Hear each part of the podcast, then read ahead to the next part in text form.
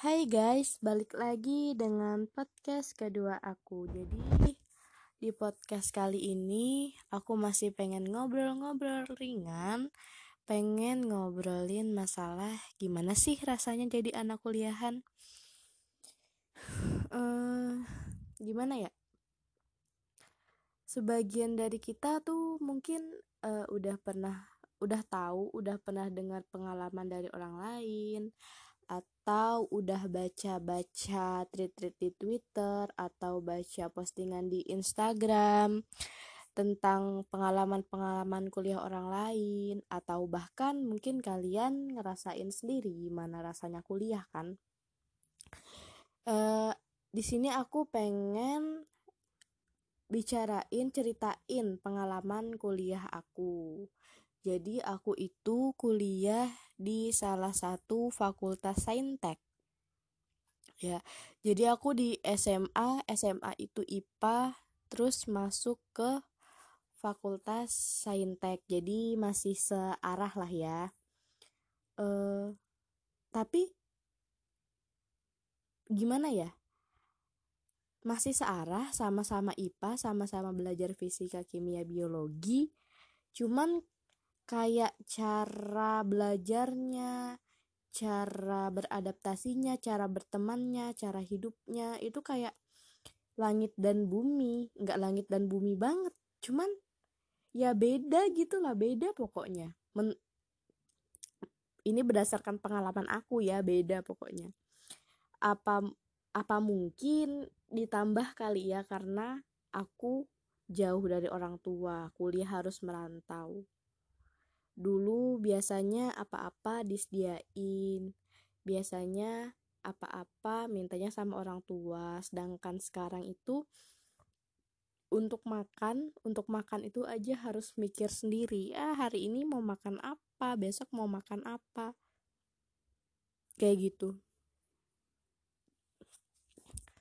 Uh, pengalaman dari kuliah aku semester 1, semester 2, semester selanjutnya itu paling berat emang di semester 1. Wajar sih katanya wajar karena emang semester 1 itu kan masa-masa peralihan dari yang kamu tadinya anak-anak jadi ditempa untuk belajar eh, sedikit lebih dewasa gitu jadi semester 1 itu emang masa-masa paling berat. Masa-masa paling banyak praktikum karena aku kan anak saintek. Banyak praktikum terus masa adaptasi jauh dari orang tua. Jadi setiap hari itu bawaannya pengen pulang pengen pulang pengen pulang pengen pulang. Terus terus juga masa-masa terberat rasanya tuh pengen berhenti kuliah atau pindah ke fakultas lain atau bahkan pindah ke universitas lain kayak gitu. Uh, itu enggak ngomong doang ya kayak semester 1 tuh emang lagi masa-masanya selek sebenarnya masa-masa seleksi alam emang dari semester 1 sampai akhir sih cuman kayak semester 1 itu banyak banyak banget yang tumbang banyak banget yang gugur udah beberapa orang. Pokoknya yang tumbang itu yang gugur itu lebih dari satu. Kayak gitu. Banyak banyak banyak macam-macam deh alasannya. Ada yang inilah ada yang itulah. Kenapa mereka nggak lanjutin kuliah? Uh, jadi gini. Aku kan uh, kuliah di fakultas saintek tuh. Jadi otomatis banyak dong praktikumnya ada praktikum biologi, ada praktikum fisika, ada praktikum kalkulus, kalkulus ya, ada praktikum tentang komputer-komputer gitu. Eh sebenarnya praktikumnya kalau dipikir-pikir sekarang ya, kalau dipikir-pikir aku ada di titik sekarang itu kayaknya menyen bukan kayaknya sih, sebenarnya menyenangkan, menyenangkan praktikum kayak gitu. Apalagi kalau dibandingkan sama masa-masa pas SMA itu kan praktikumnya kurang banget. Kayak SMA itu cuma dikasih teori-teori-teori supaya bisa ngisi soal di ujian nasional kayak gitu. Sedangkan kalau pas sudah kuliah itu ya kita kayaknya uh, harus tahu harus tahu bakal jadi apa harus ngalamin ngalamin sendiri kayak gitu. Jangan teori doang tapi nggak ada prakteknya. Kayak gitu kan biasanya sering dikasih tahu. Kok nggak sih? Jadi uh, kalau kuliah doang itu nggak berat. Cuman yang bikin berat itu emang praktikumnya. Bahkan aku pernah uh, satu hari itu praktikum dan kuliah. Aku ini nggak cuma aku ya tapi teman-teman yang lain juga pasti pernah ngalamin apalagi di fakultas saintek. Dari jam 6 pagi sampai jam 6 sore itu full banget full full full banget.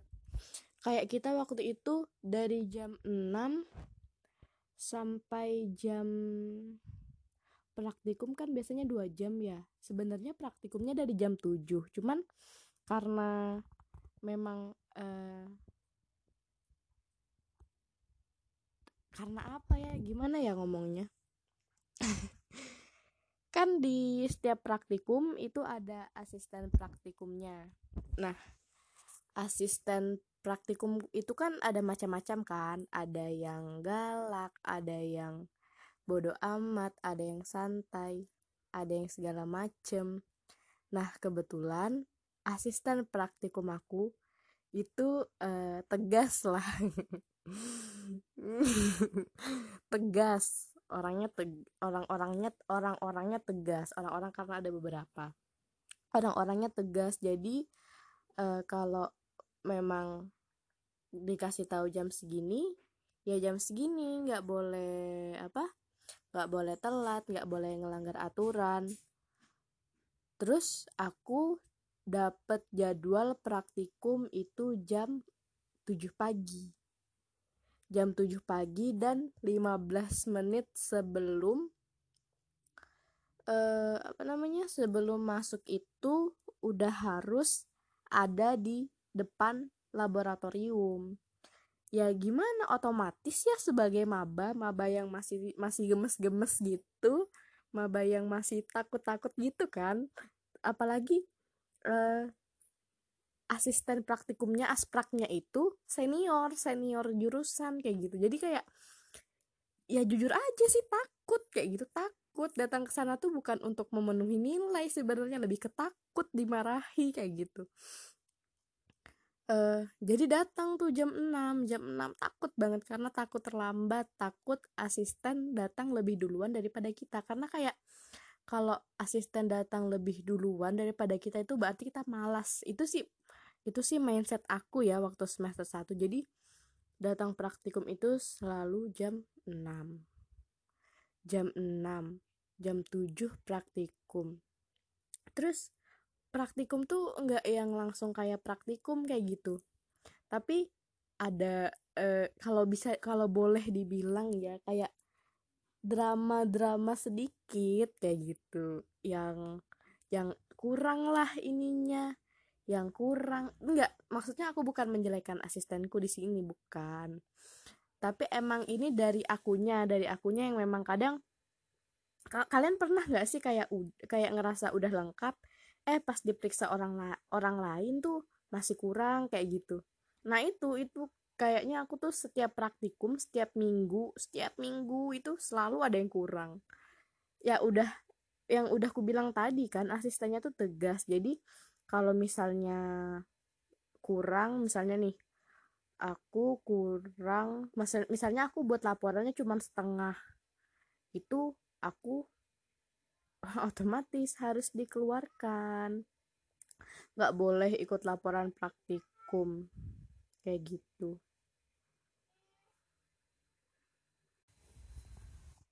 Pokoknya ya kayak pas praktikum itu kayaknya 80% dikeluarkan 20% doang deh masuknya masuk praktikum itu. Uh, ya karena nggak membela diri sih cuman ya namanya masa peralihan dari anak SMA ke anak eh, ke jadi anak kuliahan kayak gitu pasti kayak berasa uh, beda banget kayak gitu masih takut masih bingung. Jadi ya itu jadi ya kayak bikin laporan itu nggak selesai. Bikin bik, eh, soal responsi soal responsi soal tes sebelum masuk praktikum itu nggak bisa jawab. Nilai di bawah standar kayak gitu. Jadi nggak bisa masuk. Itu itu rata-rata sih praktikum kayak gitu. Praktikum kayak gitu rata-rata. Diperiksa laporan diperiksa responsi kayak gitu kayak gitu. Uh, enggak semua asisten sih sebenarnya jahat kayak gitu enggak kalau terus semester satu itu aku mikir ya kayak pernah nggak sih kalian kayak nonton sinetron nonton sinetron yang ada anak kuliahannya kayak gitu? Eh uh, terus apa namanya? Uh, terus terus kalian kayak percaya gitu loh kehidupan kuliah tuh kayak gitu. Aku dulu percaya aku dulu percaya banget guys. Aku dulu aku kan dari kampung ya. Ya aku mana tahu orang di kampungku cuman adanya poltek tapi itu juga nggak rame karena anak-anak di kampungku pada kuliah di kota.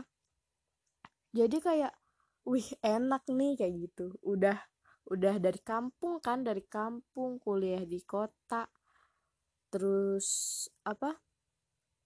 Terus ada mall. Kebetulan kampusku itu dekat banget sama dua mall. Bisa jalan-jalan nih mikirnya kayak gitu. Aduh ya Allah. Mikirnya kayak gitu kayak bisa santai-santai bisa ketemu cowok ganteng bisa pakai baju-baju yang lucu-lucu kayak gitu kayak gitu. Eh ternyata ternyata tuh kayak kemungkinan kemungkinan untuk nongkrong-nongkrong kayak gitu kayak hampir hampir nggak nihil tapi hampir nihil kayak gitu. Malah malah begadang mulu kerjaannya dulu semester satu. Sampai mata mata panda mata panda.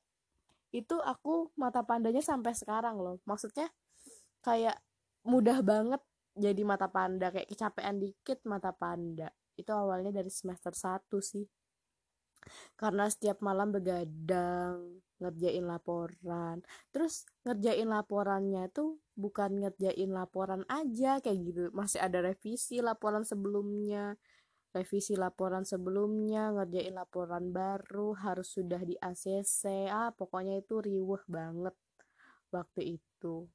Terus kuliahnya gimana? Kuliah sama dosennya? Kalau kuliah sama dosennya itu juga ya nggak jelek-jelek banget sih, cuman ya masih ada aja gitu dramanya. Dosen, oh ini waktu itu Waktu itu mata kuliah kimia dasar. Jadi aku itu kalau Senin, Selasa, Rabu itu kemungkinan tidur itu kayak tipis banget. Kalaupun tidur tuh paling 3 jam, 2 jam. Kayak gitu. Cuman cuman segitu. Jadi mata kuliah kimia waktu itu hari Selasa kalau nggak salah. Kalau nggak salah Selasa ya deh. Selasa siang aku duduk di ini bukan untuk ditiru ya ini untuk pelajaran semoga bisa jadi pelajaran uh, aku duduk di depan terus dosennya menjelaskan tentang ikatan kovalen kalau nggak salah menjelaskan. Eh aku udah nahan-nahan ngantuk ya aku udah nahan. Pokoknya mata aku itu aku buka pakai mata. Kalian pernah kan kalau ngantuk terus matanya dilebarkan dibuka pakai mata kayak gitu? Eh dibuka pakai mata dibuka pakai tangan kayak gitu. Udah tuh udah aku kayak gituin. Udah dipaksa jangan tidur jangan tidur. Eh kayak malah ketiduran. Tapi pernah nggak sih tidur tapi merem. Merem tapi tidur kayak gitu. Jadi kayak aku tuh kayak udah tidur tapi masih merem. Ya ampun tapi itu sumpah tidur ternikmat di dalam hidup. Nggak. Kayak kayak bersyukur tiba-tiba bersyukur banget gitu. Ya Allah terima kasih. Sudah boleh sudah diberi waktu untuk tidur kayak gitu. Padahal ya tidurnya tuh cuman kayak kayak tidur kayak mana ya kayak tidur kucing kayak gitu. Nah kayak selep bangun selep bangun kayak gitu. Tapi itu udah tidur paling nikmat yang pernah ada kayak gitu. Semester satu pokoknya ya begadang ngerjain tugas kayak gitu kayak gitu sih. Belum waktu itu aku belum sih belum ikut organisasi apa-apa. Karena masih hektik di praktikum terus naik naik semester 2 semester 2 itu praktikumnya udah nggak begitu banyak sisa sedikit. Eh nggak susah sedikit juga kayak berkurang lah berkurang. Cuman hektiknya tuh ribetnya tuh masih masih sama kayak semester 1 tapi ya mulailah mulai bisa tidur. Kayak kalau dulu kan kayak Senin Selasa Rabu itu kayak nggak bisa tidur. Yang tidurnya tuh cuman malam Kamis Jumat Sabtu.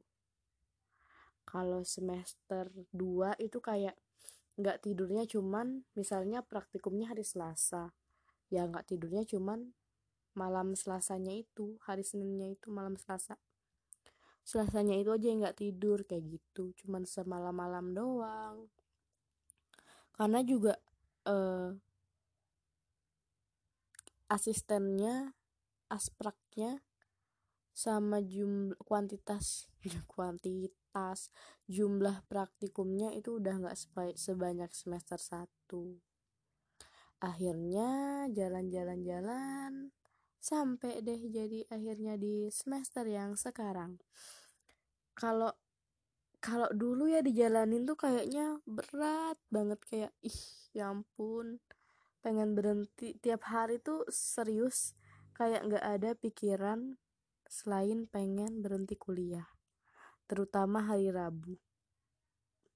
Ka pernah aku hari Rabu itu kayak bilang sama diri sendiri ya Allah kapan sih aku pingsan? Kayak gitu kayak kayak ya Allah pingsankan aku. Kayak gitu pengen pengen ping pengen pingsan kayak gitu nah. Sakingnya saking apa sih karena segitunya bukan segitu galaknya asistennya atau segitu susahnya karena segitu dari diri aku pokoknya dari diri aku lah pokoknya yang kayak gitu. Ya nggak boleh jelek-jelekan orang. Jadi jelekin diri sendiri aja. Jadi kayak gitu. Tapi setelah semester ini dan aku ngeliat ke bawah lagi kayak ya ampun dulu itu belum ada apa-apanya. Dulu itu cuman cuman secuil doang. Cuman kayak astaga kamu kayak gitu aja nggak bisa. Ih sumpah. Itu cuma secuil doang daripada yang sekarang. Kalau dulu itu susah tapi masih ada yang bantuin kayak kayaknya yang bikin aku sekuat sekarang nggak nggak kuat-kuat banget. Maksudnya kayak yang bikin aku lebih tegar, lebih kuat, lebih sabar, lebih menerima, lebih tahu bagaimana cara bersikap itu ya karena udah di tempat dari semester 1 semester 1 udah di kayak ibaratnya semester 1 itu kayak kisi-kisi kayak kisi-kisi kamu nanti ke depannya bakal gimana kayak gitu. Ketemu ketemu apa ketemu watak dosen yang macem-macem kayak gitu. Karena gimana ya segarang-garangnya asisten semarah-marahnya asisten itu mereka tetap sayang sama kita. Maksudnya kayak mereka tetap mikirin kita kayak mana. Mereka tetap bantuin kita. Tapi sedangkan dosen dosen kan banyak macamnya. Ada yang memang tegas ada yang kalau kamu kayak gini ya udah ada yang bodoh amat ada yang ngasih punishment kayak gitu. Jadi kayak lebih kuat aja kayak oh dosen marah berarti aku kalau dosen ini marah berarti aku harus kayak gini. Berarti aku nggak boleh kayak gini lagi kayak gitu.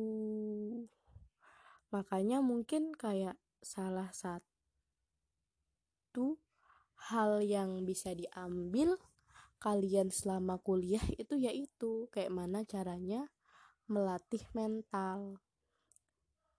Ya walaupun walaupun walaupun masa kuliah aku tuh kayak kayak gitu banget ya. Tapi gim tapi aku nggak pernah nggak pernah menyesal karena sudah kuliah di sini. Malah sekarang tuh kayak bangga banget bangga banget bisa sampai sini. Ya walaupun kalau aku lihat kayak setiap aku ketemu teman-temanku kayak teman-teman kebanyakan kaya ya kalian bisa hitung berapa kali aku ngomong kaya di sini. Uh, ketemu teman-teman aku apalagi teman-teman yang beda jurusan. Beda jurusan sama sama satu kamp beda jurusan tapi masih satu universitas saja itu udah beda udah beda pressure-nya udah beda pengalamannya gitu. Ada teman-teman yang kayaknya kerjaannya jalan ke mall jalan ke mall kayak gitu. Uh, sempat iri sih sempat iri lihat teman-teman yang kayak kita lagi ngerjain laporan lah dia kita lagi ngerjain laporan lah dia enak-enak eh enak-enak. Lah dia enak-enaknya biar enak-enaknya ya maksudnya. Enak-enaknya bisa jalan jalan ke mall makan di sana makan di sini nongkrong.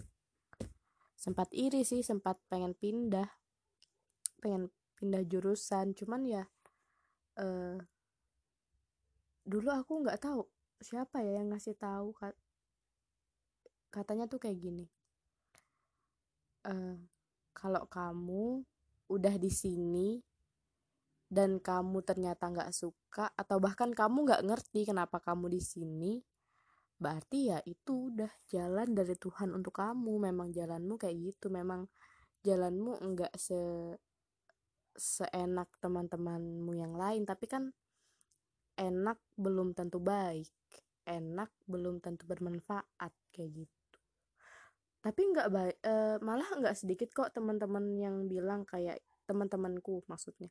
Teman-temanku yang bilang kayak iya aku pengen banget kuliah kayak kamu. Bilangnya kayak gitu guys. Aku pengen banget kuliah kayak kamu kayak bener-bener kuliah katanya kayak gitu. Soalnya kata dia dia kan ini bukan mendiskriminasi atau merendahkan anak sosial ya. Ini ini berdasarkan pengalaman masing-masing ya guys. Jadi aku nggak mendiskriminasi atau apa. Kayak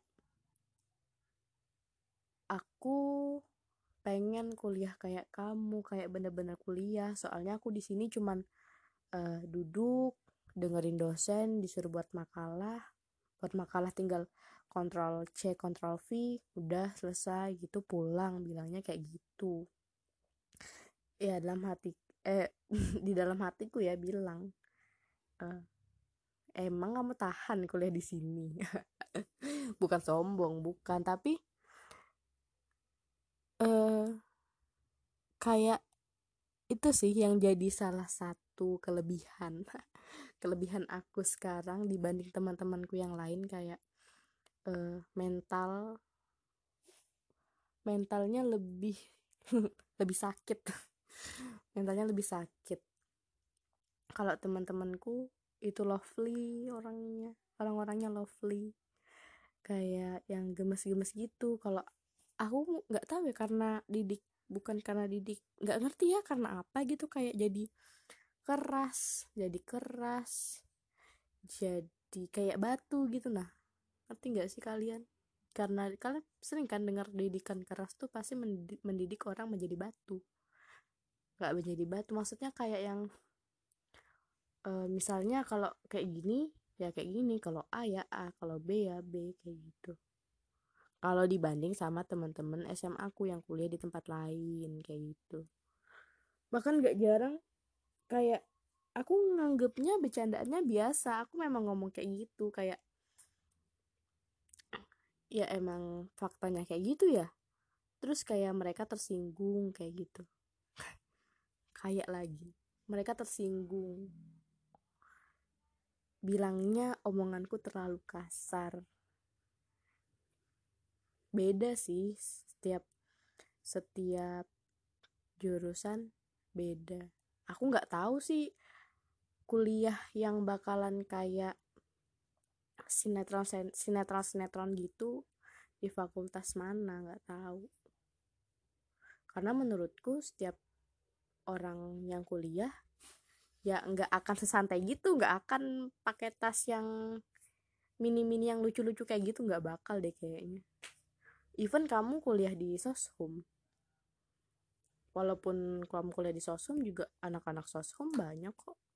Anak-anak sosial banyak kok yang bawa tas-tas gede. Jarang kok yang bawa tas-tas kayak gitu terus masih bisa uh, kerjanya di kampus nongkrong di di kantin doang nggak ada. Mereka masih kuliah. Apalagi anak saintek kan. Jadi itu deh cerita perjalanan perkuliahan aku selama ini. Uh, tapi selama kuliah aku juga ikut beberapa organisasi dan organisasi itu yang menyelamatkan aku yang bikin aku nggak berhenti kuliah. Mungkin itu bakal aku bahas di episode selanjutnya. Wah. Tunggu ya guys kalau memang kalian pengen dengerin. Uh, ya udah. Itu aja podcast dari aku. Sa saran dari aku apa pun yang kalian tempuh sekarang apa pun yang kalian lalui sekarang tolong lakukan yang terbaik karena bisa jadi eh karena Tuhan itu nggak akan memberikan apa yang nggak kalian butuhkan. Kalau kalian nggak suka ya belajar untuk suka. Apalagi apalagi apalagi apa deh aku udah udah pusing udah nggak bisa ngomong itu aja podcast dari aku Sampai jumpa di podcast selanjutnya.